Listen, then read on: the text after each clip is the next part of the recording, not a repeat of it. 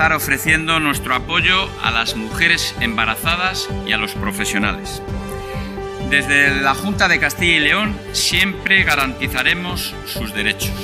Quiero expresar en primer lugar mi sorpresa porque el Gobierno central haya anunciado un requerimiento teniendo en cuenta que no existe en esta Administración ningún acuerdo tramitándose sobre la materia a la que hace referencia el propio requerimiento.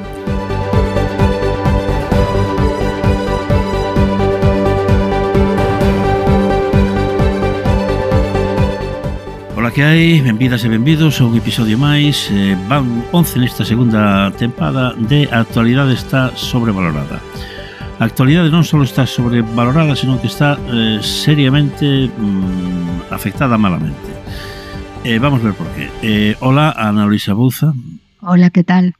Hola, eh, Antón Losada Hola, José Manuel, moitas gracias por facernos un oco na túa apretada xenda. Eh, ben merece a pena. Hola, Marta Otero.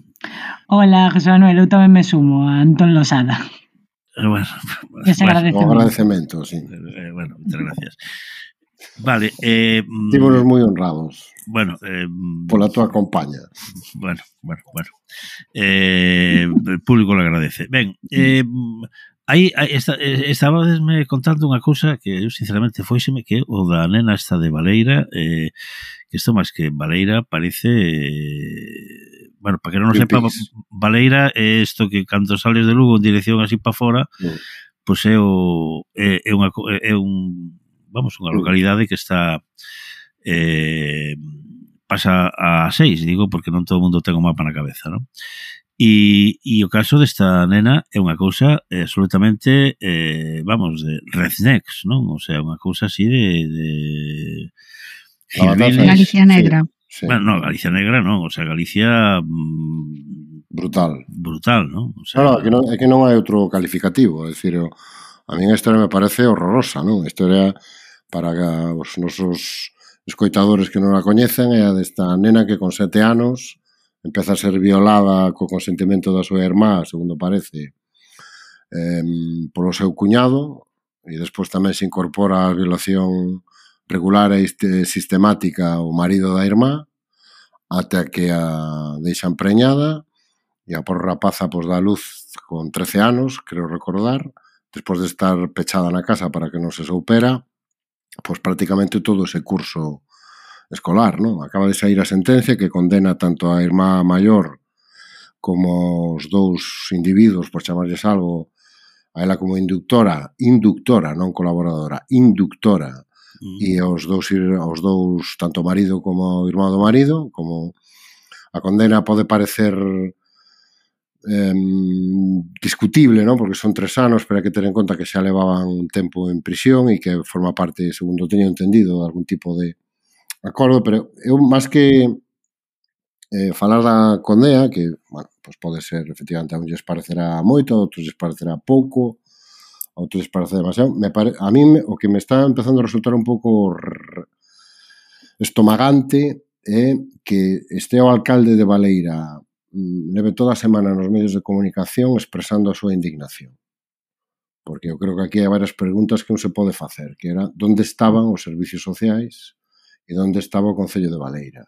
Sí, sobre todo... Tamén hai veciños expresando... É que eu, eu podo entender que eh, non te enteres de algo que pasa eh, ao lado da tua casa. Pero bueno, non saias na televisión a justificarte e a decir que estás moi indignado. Por lo menos ten a decencia de calarte. Porque de a decir costa... que estás avergonzado, ¿no? De que me... o non por lo menos eso. Dado ¿eh? conta. É que hai unha cosa que, que me costa moito traballo entender. O sea, este é un caso... É dicir, o, o feito do embarazo, o feito de que esta rapaza deixara de ir ao colexio, claro, pues, prácticamente claro. todo un curso. Eh, segundo parece, Valeria, segundo Valeria Leo, non é tan que grande, non? Galicia, tan grande, efectivamente. E segundo parece, despois de que eh, a Xunta se fai cargo da súa tutela, polo visto pasaba incluso fins de semana, seguía pasando fins de semana con, na, na casa con, con as persoas que estaban facendo eso. E eu entendo, porque unha rapaza de 13 anos non lle vamos a pedir que sexa ela que decida onde vai e onde deixa de ir. Non? Entón, que agora saia todo o mundo a facerse os indignados e a rasgarse, os vestidos. Rasgarse as vestiduras, cando, sí.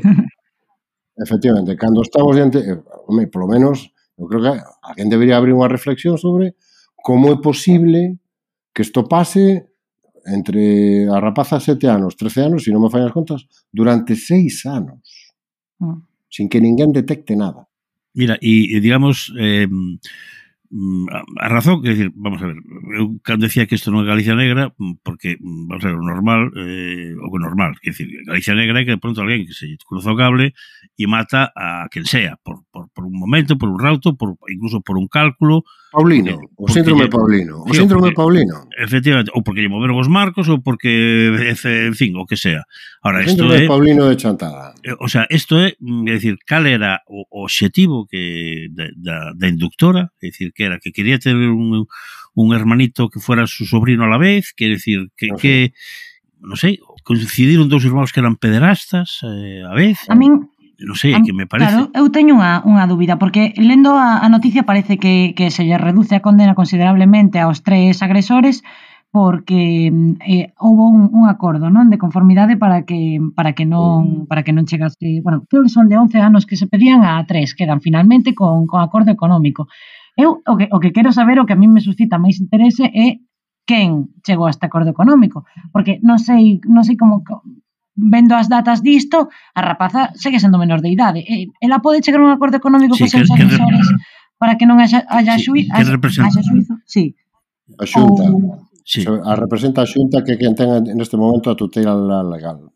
Claro, o sea, claro. Que, claro que entón que eses cartos que van desembolsar os intereses os, dela. Claro, os, os agresores, quen, quen os vai disfrutar a rapaza? a rapaza, efectivamente, so, hai fórmulas legales polos cales eso, esos cartos os quedan solo poden ser administrados e cando chegue a maioría de edade teránlle que ser entre, entregados eh, na súa totalidade e cos rendementos que teñan que teñan xerado, non? Eu creo, eu, eso efectivamente pode ser unha, un elemento de, de debate e de cuestión, non? sobre todo eh, ata que punto o acordo é, é satisfactorio non, tanto do punto de vista legal como do, punto de vista ético. Non? Pero mm. eu insisto, a mí o que me, me rechama ainda moito máis atención é que durante seis anos, nun pobo pequeno, e con este nivel de, digamos, de, de perpetración, ¿no? pues pois non se detecte nada. É decir, que ah. me parece realmente, o sea, Ana Luisa, que estuvo moito tempo xestionando este tipo de asuntos, non directamente isto, pero sí na administración pública como a min, supoño que estará igual de asombrada.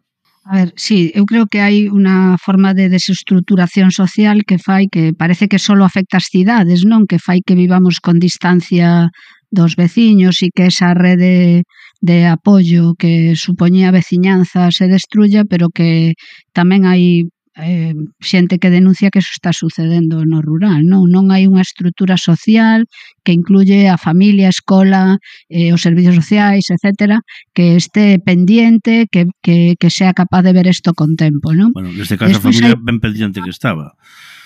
Eh, outro tema que, que, que non estamos dicindo e é que un dos motivos polo que di a noticia de, de que se reduzan as penas é eh, que se demostra dilación indebida no proceso. Non? É dicir, que en este caso a propia lentitude da xusticia a hora de actuar fai que estos, estas personas se vexan favorecidas a hora de, da reducción de, de condena, ¿no? E unha vez máis que, que, que a lentitude da xusticia siga a ser unha eiva eh, da democracia española e en este caso eh, directamente, ¿no? E eh, a reparación do dano, non? Creo que tamén é interesante que se que se considere eh, a reparación do dano como unha das formas de, de de digamos, de, de pagar, de pagar polo delito. O que pasa que en este caso, e tamén na legislación e na, eh, na española, eh, parece que único, a única forma de reparación do dano é, é a económica. non? É dicir, ah. que non hai reparación do dano de outro tipo, e a reparación do dano non debe ser só a víctima, debe ser a sociedade, e eu creo que esta xente debería ter unha temporadita ben longa de traballos a prol da comunidade traballando pois con como fan os que provocan accidentes de motos, non? Traballando con eh, con paralíticos para, para ver as consecuencias da súa acción, eu creo que habería que traballar máis en este tipo de castigo, non? Que é un castigo reparador para a sociedade e que é un castigo que, que ademais pode servir para que esta xente non reincida no futuro. Eu mm, lamento, non quero ser pesado, pero creo que todo o mundo debería haber un facer un pouco de auto, como se chama eso, de examen de conciencia, autocrítica. Mm. E os están en Evo colexio, no colexio teñen que preguntarse como ninguén detectou nada. Sí. Mm. Eh, no Concello de Valeira ten un presupuesto, ten un, unha administración pública que ten que velar pola polo benestar dos seus veciños, especialmente polos máis indefensos, que son os nenos, tampouco detectou nada durante seis anos. E de ata que a mm. rapaza queda preñada e non queda máis remedio que pechala na casa, ninguén se entera de nada. No, hasta que a rapaza, despois de dar a luz, escapa. Es, escapa. Pero ninguén se entera Porque a rapaza, de despois de dar a luz, oblíganlle a dar o fillo en adopción. Claro. Pero por entón, a rapaza escapa de casa e denuncia. Pero o sea por, que por foi a rapaza que denunciou. Por eso unha eh, rapaza se ausenta prácticamente un curso inteiro e ninguén, dicen, ninguén non se levanta ninguna, ninguna ningún sinal de alarma. Nos servicios claro, sociales pode que non sei os que ten o Concello de Valera. Concello, eh, mm. E pois, eso súmalle a, demo, a, a, a, decir, eu creo suma a falla de capacidade do sistema educativo para detectar isto, a falla de capacidade dos servicios municipais, para detectar isto. A demora na xustiza, home, eu creo que estamos diante dun caso donde esta, esta rapaza foi abandonada polo sistema, sí. polo sistema. Por un sistema que mm. colleu o seu caso cunha absoluta indiferencia e que só actuou cando non quedaba outra, outro remedio, cando xa era imposible non actuar.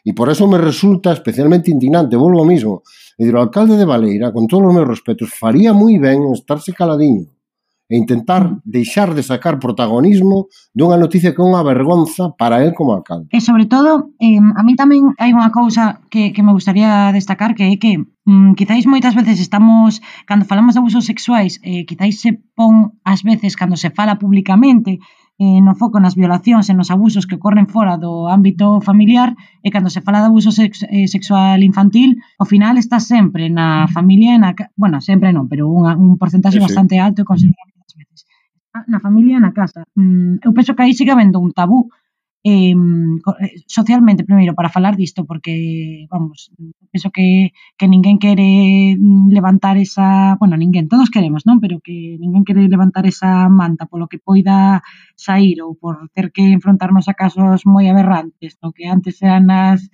as estructuras incuestionables da familia. Mm. Este, este tema, eu penso, de los trapos sucios se lavan en casa, todavía prevalece no, no imaginario de moitísima xente, E, e, e iso é unha cousa que, que penso que neste caso tamén pesou, porque eu non sei cal era o papel do resto da familia, que non sei se había, non sei se hai aí un, uns pais, uns tíos, uns avós, que, mm, home, non quero chamalos cómplices, pero non saber o que está pasando durante sete anos ata esas consecuencias que ao final xa non son psicolóxicas, son físicas por parte da, da, da rapaza que quedou embarazada. Entón, non sei se había un componente de vergoña ou de non quero dicir complicidade, pero pero eu penso que hai un tabú que que está prejudicando. Sí, e, e outra cousa tamén, eu tampouco entendo moito, digamos, no, no, no ámbito escolar, esta esta esta nena tería amigas, quer decir, mm, non eh, decir, tiñan algún tipo de características así, digamos, mm. que non se relacionaba moito ou non que sei, pero bueno, eh, son edades así en que todo o mundo se conta todo, non? Eh, parece a mí. Sí, eu creo eh, que o máis interesante sería, primeiro, eh, como decíades, o, o recoñecemento da culpa, non? De decir, aquí algo fallou e que o alcalde o que debería decirnos, en lugar de escandalizarse, que vai facer para que non volva a suceder. Efectivamente. Non?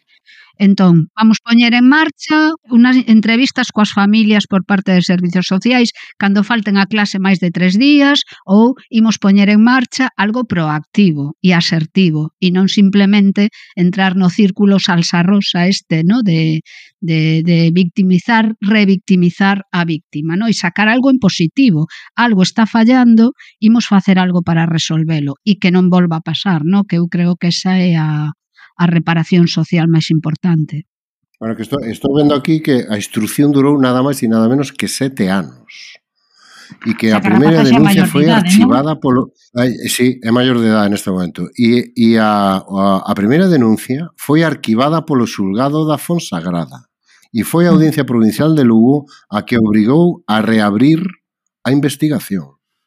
E que eu creo que aquí aquí ademais da irmá e os violadores además de indutores e violadores, alguén ten que salir dar unhas cuantas explicacións, tanto dentro, dentro das administracións públicas como dentro do Poder Judicial.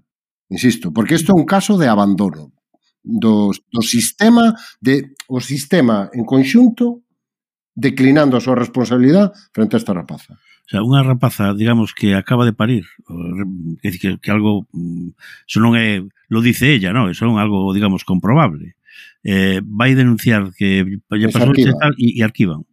Exacto. Bueno, eso, eso que estou lendo aquí e iso que leí nas informacións, ¿no? Volvo mesmo, é decir, aparte de estar todo o mundo moi indignado e que todo o mundo poña cara de oh, Dios mío, non sabíamos nada, como tal, home, penso que alguén, o alcalde aparte de salir aos periódicos a facerse fotos nas concentracións, algunha explicación ten que dar aos seus veciños. E o, e o Poder Judicial de Lugo, tanto o Xulgado de Fonsagrada como a Audiencia Provincial de Lugo, algunha explicación lle deben a esta nena e a sociedade. Insisto, sete anos de instrucción, nun caso que a me parece bastante claro. E, e me gustaría coñecer, ou me gustaría poder, non, non, te, non tiven acceso, pero vou no buscar o auto de arquivo do, da, da, da primeira decisión do xugado da Fonsagrada porque ten que ser realmente unha lectura non sei como calificada. Sí, e, e bueno, yo neno, imagino que entrou no circuito de, de adopcións, non? Claro, eh, sí.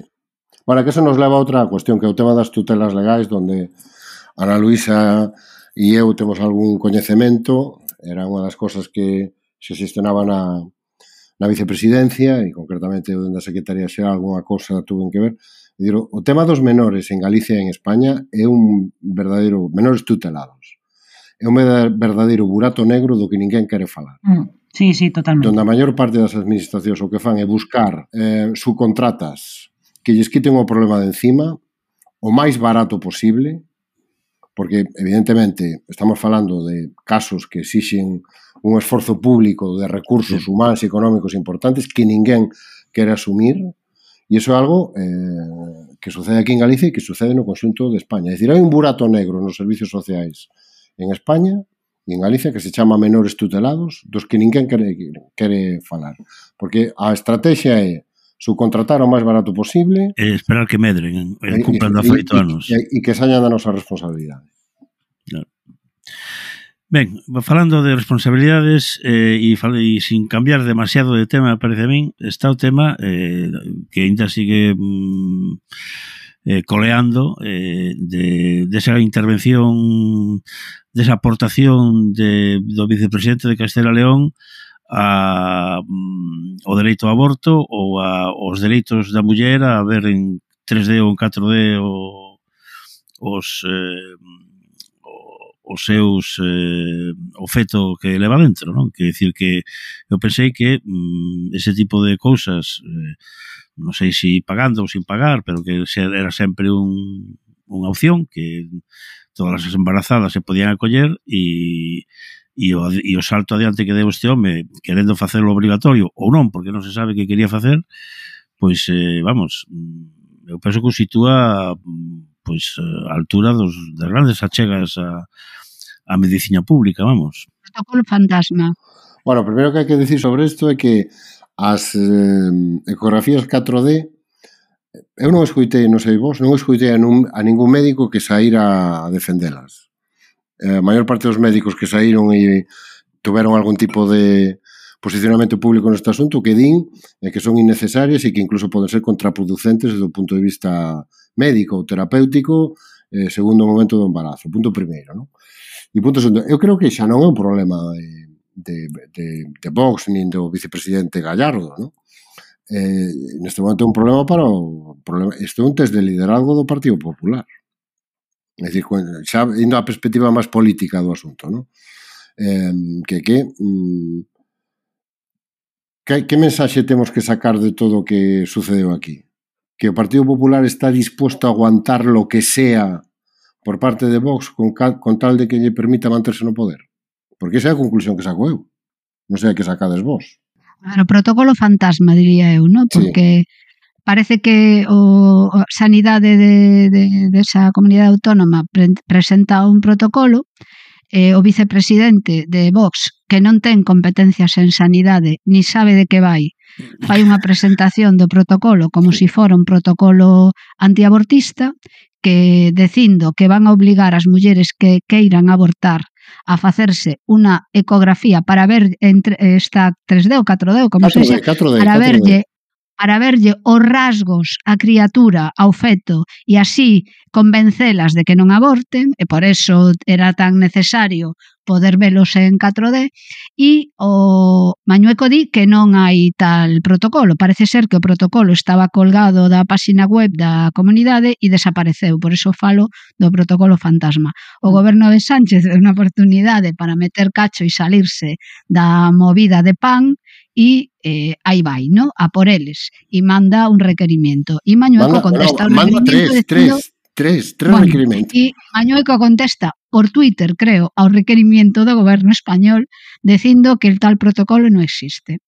Bien, esta é a historia do protocolo fantasma que, vamos, eh, sinceramente non ten media bofetada, porque, primeiro, as mulleres abortamos eh, de legalmente eh, as poucas semanas, durante as primeiras poucas semanas 14, de eh, embarazo. Un rasgo, vamos, únicamente que sea unha, y, un, un Photoshop. ¿no? A ecografía 4D creo que está eh, eh, para o último trimestre. Que está contraindicada, está contraindicada nos primeiros meses de embarazo. Claro, entón, imagínate que lle fixeran unha ecografía 4D a unha muller que está embarazada de tres semanas e a fixeran abortar pola ecografía 4D, ¿no? Entón pasaría de ser unha política antiabortista a ser unha política de abortos, ¿no?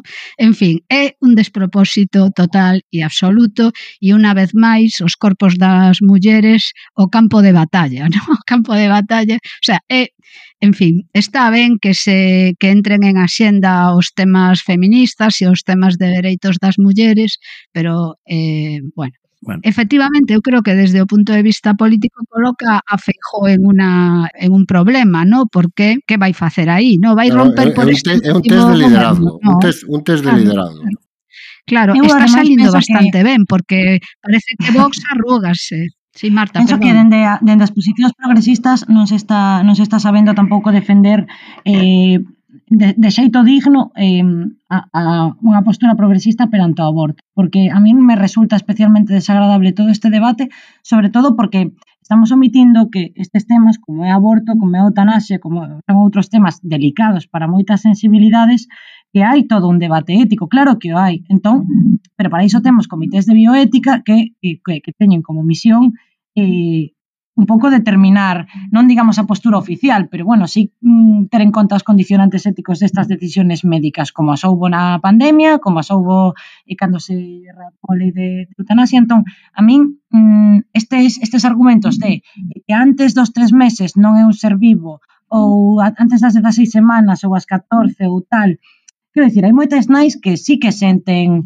como un ser vivo o que levan dentro cando cando eh, levan un mes de embarazo. Entón, a min este de, pa, é un, con unha conxunción de células e de tecidos e de tal, como quitándolle peso un pouco a, a, esa, a ese embarazo, a min me resulta especialmente desagradable porque mm, me parece que non nos facemos favor ningún eh, e non lles facemos favor ningún eu, penso, eh, eu eh, que sei, nas nais que sufren casos de mortes perinatais sexa no oitavo mes de embarazo, sexa no, no terceiro mes de embarazo, o, o sinten como, como un fillo. Entón, eu penso que para defender a, a, a lexítima postura de eh, a, a saúde da muller e a decisión da muller vai por diante, mm, non podemos, eu penso tampouco, frivolizar co que é un aborto, co que é un embarazo, mm, porque a mí me parece que non, non, non é nada non é nada, non nos fai ningún favor, como tampouco para as mulleres, Pero. Marta, a mí, a mí se me permites, a mí se me permites, eu creo que quen frivoliza o tema do aborto e quen frivoliza unha decisión que é fácil entender que é unha decisión en moitas ocasións tra traumática e difícil de gestionar, é Vox e é Gallardo sí, sí, e é o Partido Popular. Iso, iso por diante, pero... Son eles os que frivolizan e convi... Claro, e a mensaxe que se lanza é bueno, mm, as mulleres son como sempre, non saben moi ben o que están facendo. Non saben o que hacen. Sí, entonces, sí, sí, sí, aquí total. estamos nós, exactamente, aquí estamos nós para, oye, mm, para que vexas o que realmente estás facendo e para que recapacites de mismo a, a, a, a, a forma de falar que teñen tanto o PP como vos, que, por exemplo, en todo este debate, non sei se vos fixastes, estamos ampliando la libertad de las mujeres. Pero, pero que maneira de falar, como se si estuviéramos manumitindo os clavos. No, no, estamos, estamos ampliando sus libertades, pero quen é usted para ampliar as libertades de ninguén? Si é un ciudadano como a mí, pues esta maneira de falar paternalista, no, no, est sí, les sí, estamos dando máis derechos. Totalmente. Mm. No, no, no é, é o lenguaxe de, de manumisión dos clavos. É decir, bueno, vete, vete, vete cunta que te libero. Bueno, eh, bueno, o que decía Ana Luisa de que e o campo de batalla era o corpo das mulleres, eu penso que o campo de batalla tamén é o cerebro de determinados homens. Claro, porque... non, decir... esas son as armas. Esas son as armas, o cerebro ou a falta de cerebro. De todas maneiras, unha consecuencia é que o PP acaba de acaba de eh, de publicar, non ou se publica, que o PP xa non suscribiría a, o sea, digamos que se adire a lei de prazos e que xa non suscribiría o, o que interpuxera no Tribunal Constitucional cando se eh, bueno, cando se aprobou a lei de prazos. Así que obriga esta, este debate, obriga ao PP a dar un paso de cara a aceptar que a lei que está en este momento en vigor é a que ten que estar. E iso creo que Solo, por sacar algo ten, positivo de isto. Só mantería ¿no? da única parte que mantén do recurso é o tema das, do aborto das, eh, das, eh, menores. das menores, efectivamente. Sí entre os 16 e os mm. 18 anos, non? Pero xa que falamos desa, xa que estamos falando dun tema por seguir fiando, non? Eh, de algo que ten que ver coa sanidade, eu si quería comentar, porque me parece que está pasando moi... Porque me chama moito a atención como se informa en Galicia do que está pasando na atención primaria. Prim, eh, primaria. Como se si fora un, un conflicto profesional entre os médicos e a Consellería, non? E, e o que está pasando vai moito máis a, moito máis alá deso. De é dicir, o que está pasando é que un modelo, como é o modelo de atención primaria, o modelo de sanidade en Galicia, está saltando polos aires. É dicir, isto non é un conflicto puntual, nin unha carencia puntual de médicos. Eu eh, quero darvos un, un par de datos que me parece que son, e, que curiosamente non vexo repetidos como vemos repetidos noutros casos. Non? En Galicia, a media do remuneración de, do personal sanitario está un punto por debaixo da media estatal. Pero para que vos fades unha idea, estamos 10 puntos por debaixo da media de remuneración de Aragón, 4 puntos por debaixo da media de remuneración de Andalucía, 6 puntos por debaixo da media de remuneración de Canarias, 7 puntos por debaixo da media de remuneración de Castela e León. É dicir, que en España están mal pagados os médicos, sí, en Galicia especialmente. Pero é que se si vamos aos gasto, ao gasto en atención primaria, é que es, é curioso que estes datos, se vos fixades, non se están repetindo, non, non salen, non, non se publica, non sei moi ben por que. Entón me parece interesante e non vos vou aburrir moito máis con eles, non? Pero outro dato que me parece moi, tamén moi identificativo. Sabedes canto gasta Galicia en atención primaria? Un 11,6%. A media estatal é un 13,9%. Pero é que en Andalucía, en atención primaria, se gasta un 17,7%. O sea, 6 puntos máis do que gastamos aquí en Murcia un 14,9, en Navarra un 15. É dicir, estamos, por coller a media de España, dos puntos e pico por debaixo da media de España.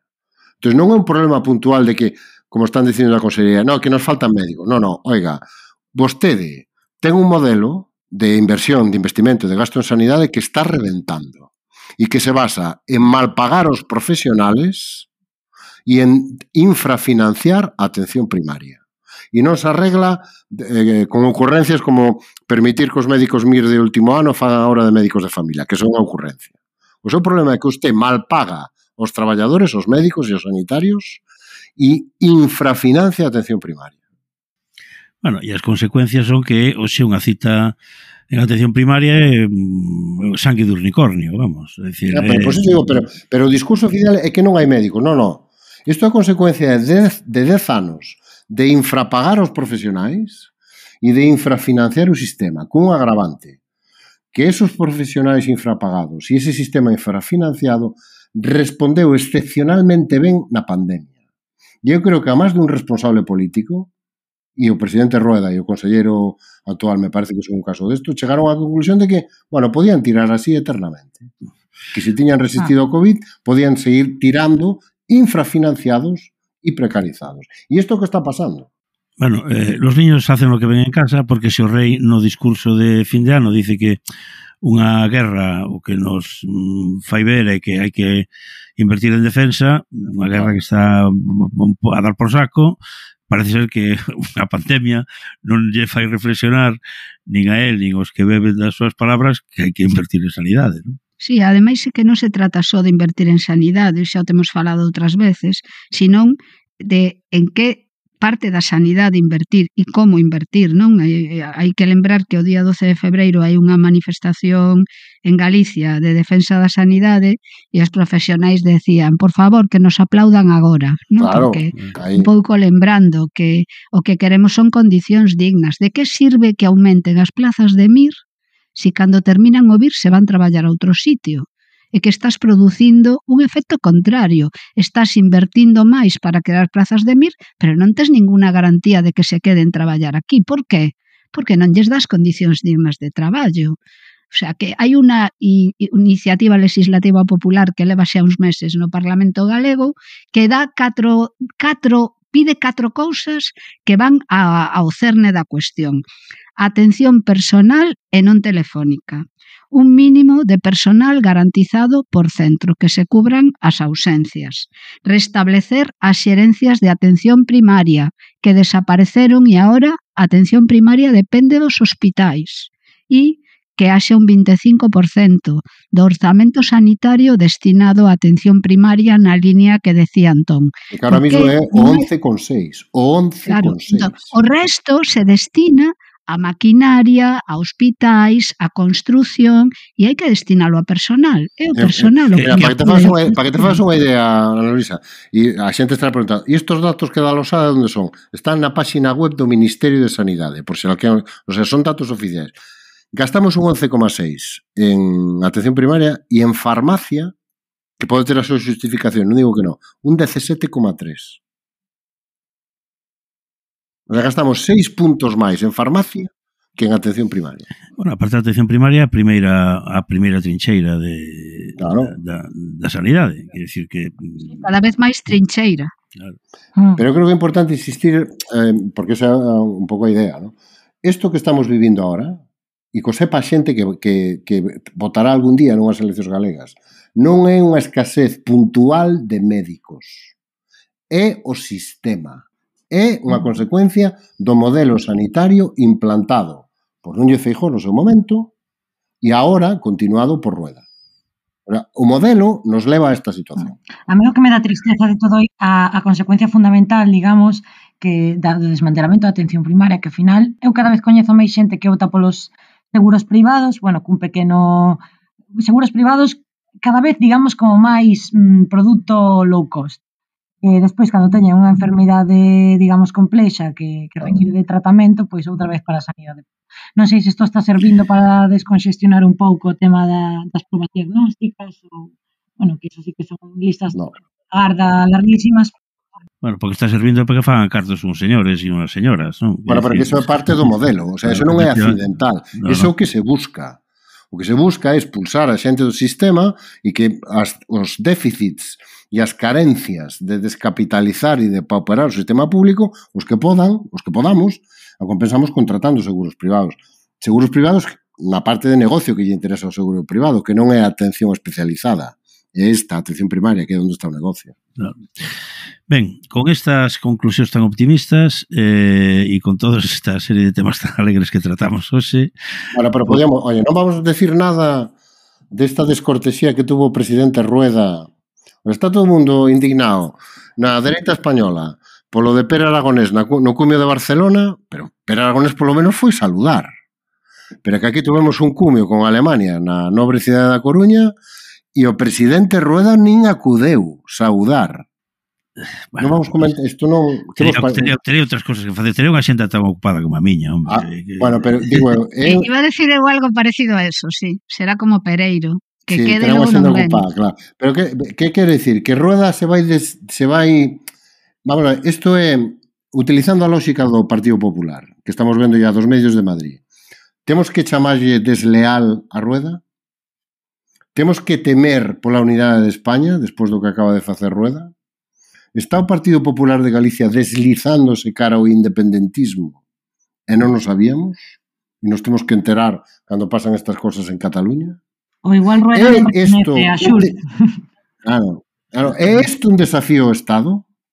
Está Rueda desafiando o Estado? Eu creo que son preguntas que a nosa audiencia ten dereito a ter respostas.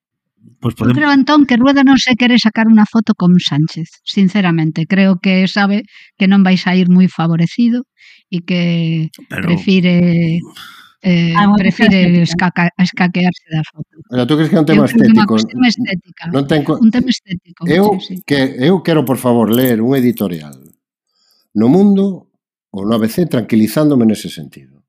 O sea, quero ter garantías de que non estamos desafiando o Estado. E quero garantías de que temos un presidente que é leal á Constitución. Constitución e ao Goberno Central.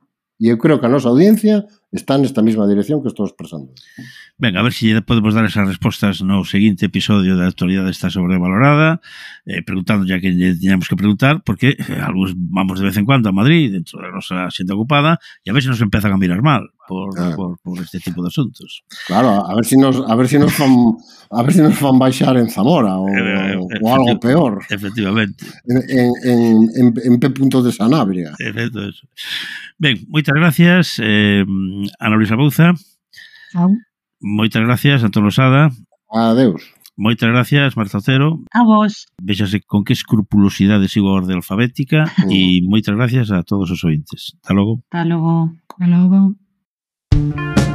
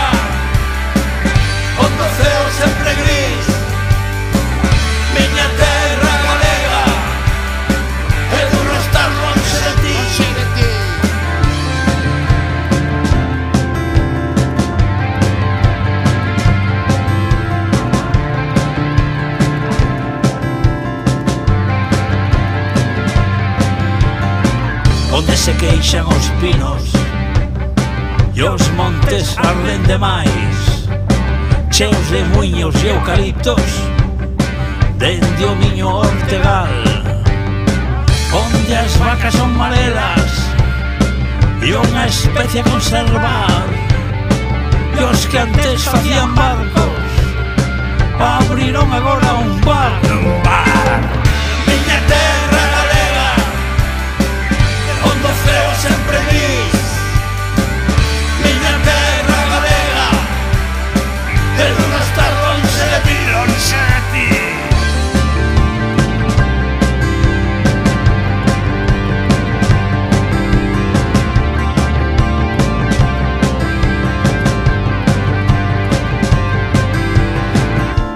en Joyer Jacobeo. Empanada e pulpo a feira. Queima dalle el vino turbio. Lo bien que se come aquí. O viñasito miñanco Foncellas e curuxás A resistencia galega. E o pazo de De Meirás